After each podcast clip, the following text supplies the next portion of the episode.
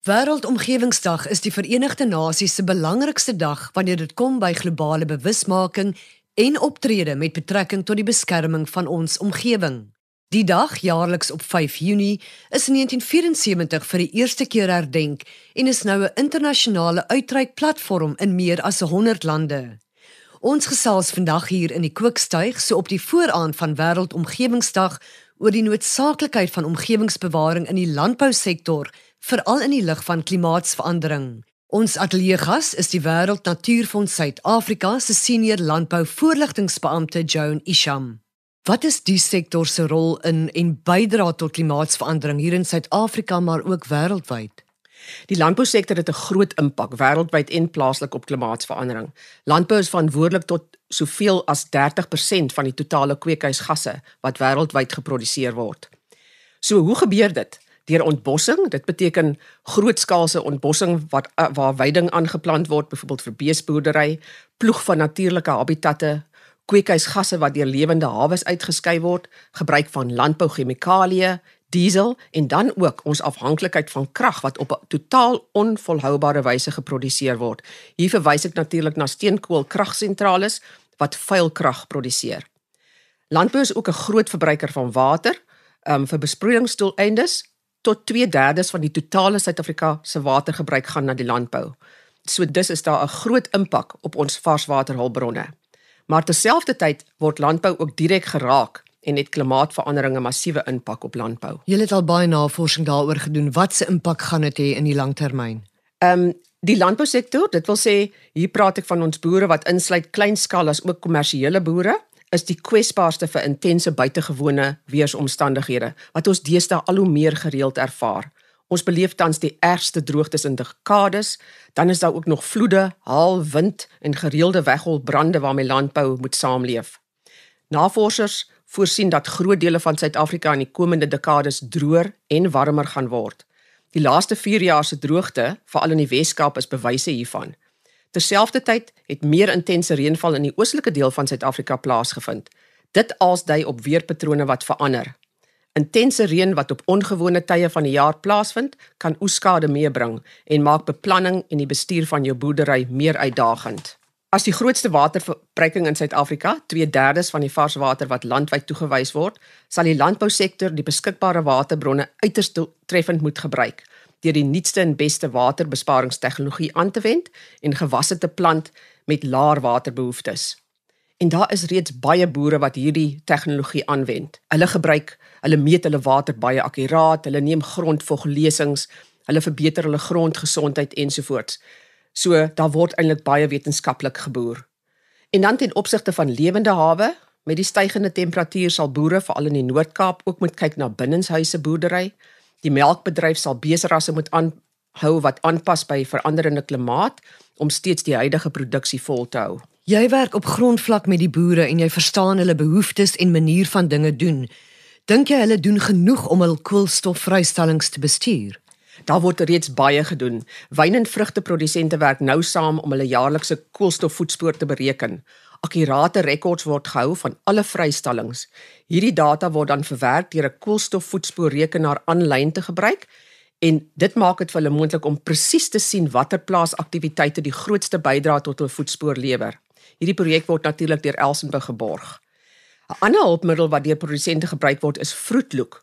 Nou Fruitlook benut die jongste satelliettegnologie om produsente te help om gewas produksie en groei as ook waterverbruik met groter presisie te help bestuur. Graanboere pas ook al jare lank bewaringslandbou toe waar minimumbewerking maar net een van die positiewe praktyke is. Tans is meeste van hierdie programme nog vrywillig, maar met die nuwe koolstofbelasting wat in werking gaan tree, sal hierdie programme reg oor die landbousektor moet plaasvind en sal ons meer klem moet lê om hierdie vrystellings drasties te verminder en te vermy. Daar bestaan reeds genoeg nuwe tegnologie wat krag en waterbesparing kan bespoedig en dit word ook reeds deur baie produsente aangewend. Daar sal meer klem gelê moet word op biologiese plaaspraktyke. Dit wil sê om saam met die natuur te boer en die negatiewe impak op die omgewing te verminder. Weereens, produsente is bewus hiervan en daar is reeds goeie vordering. Byvoorbeeld, in die wynbedryf is daar omgewingsriglyne geskryf vir die plaas en vir die kelder en alle wynprodusente pas reeds hierdie riglyne toe. Hulle word ook jaarliks geaudit om te sien hoe hulle hiermee vorder. Wat sê die boere Joan? Jy werk nou elke dag saam met hulle. Is hulle bekommerd oor hulle toekoms? Natuurlik is hulle bekommerd, veral na die laaste paar jaar se droogtes. As ek dink hierdie jaar, daar was plase wat met net 50% van hulle normale water moes verbykom. Maar dit is ook ongelooflik om te sien hoe hulle dit aangryp en hierdie geleenthede sien waar hulle nog kan verbeter. Party van hulle het agtergekom dat hulle ook net 50% van hulle water nodig het as hulle regtig die regte tegnologie um gebruik. Hulle is ook besig om te sien en die ekologiese verbintenis te maak tussen byvoorbeeld indringerbeheer en hulle afloop wat verbeter en hulle damme wat vol loop. Ek het plase wat eh, met my saamwerk en waar hulle opvangsgebiede heeltemal skoon gemaak het oor die laaste 10 jaar en hulle het nou in die droogste jare meer water as wat hulle gehad het in die natter jare. Om net terug te kom tot by die koolstofvoetspoor wat ons laat. Hoe kan ons as Jan Alleman ons eie spoortjie verklein? Ons sal, sal moet kyk na die hele voedselketting, van die plaas waar produkte verbou word, die vervoer van hierdie produkte, kettingwinkels wat die produkte bemark en dan elkeen van ons as daaglikse verbruikers van landbouprodukte. As ons net kyk na energie wat vermors word, dit sou genoeg gewees het om 'n stad soos Johannesburg van krag te voorsien vir 16 weke, daai derde van kos wat ons vermors. Water, daai hoeveelheid water wat ons vermors, sou genoeg gewees het om 600 000 Olimpiese swembaddens op te vul. So dink net daaraan, as jy 1 liter melk weggooi, jy kon 6 baddens volmaak met die water wat so verlore gaan. Een happie beefstuk, dan vermors jy genoeg water om 22 keer jou skottelgoedwasser te gebruik. So in Suid-Afrika kan ons ons koolstofvoetspoor natuurlik ook bestuur en verminder deur weg te beweeg van ons huidige vuil elektrisiteit, hierdie steenkoolkragsentrale waarvan ons so afhanklik is en om oor te skakel na her, hernubare skoon energie. Joan, jy praat nou van volhoubaarheid. Wat kan boere nog doen om hulle self meer veerkragtig te maak? Ek dink grondeienaars moet hulle plase holisties benader, deur die plaas as 'n geheel te sien.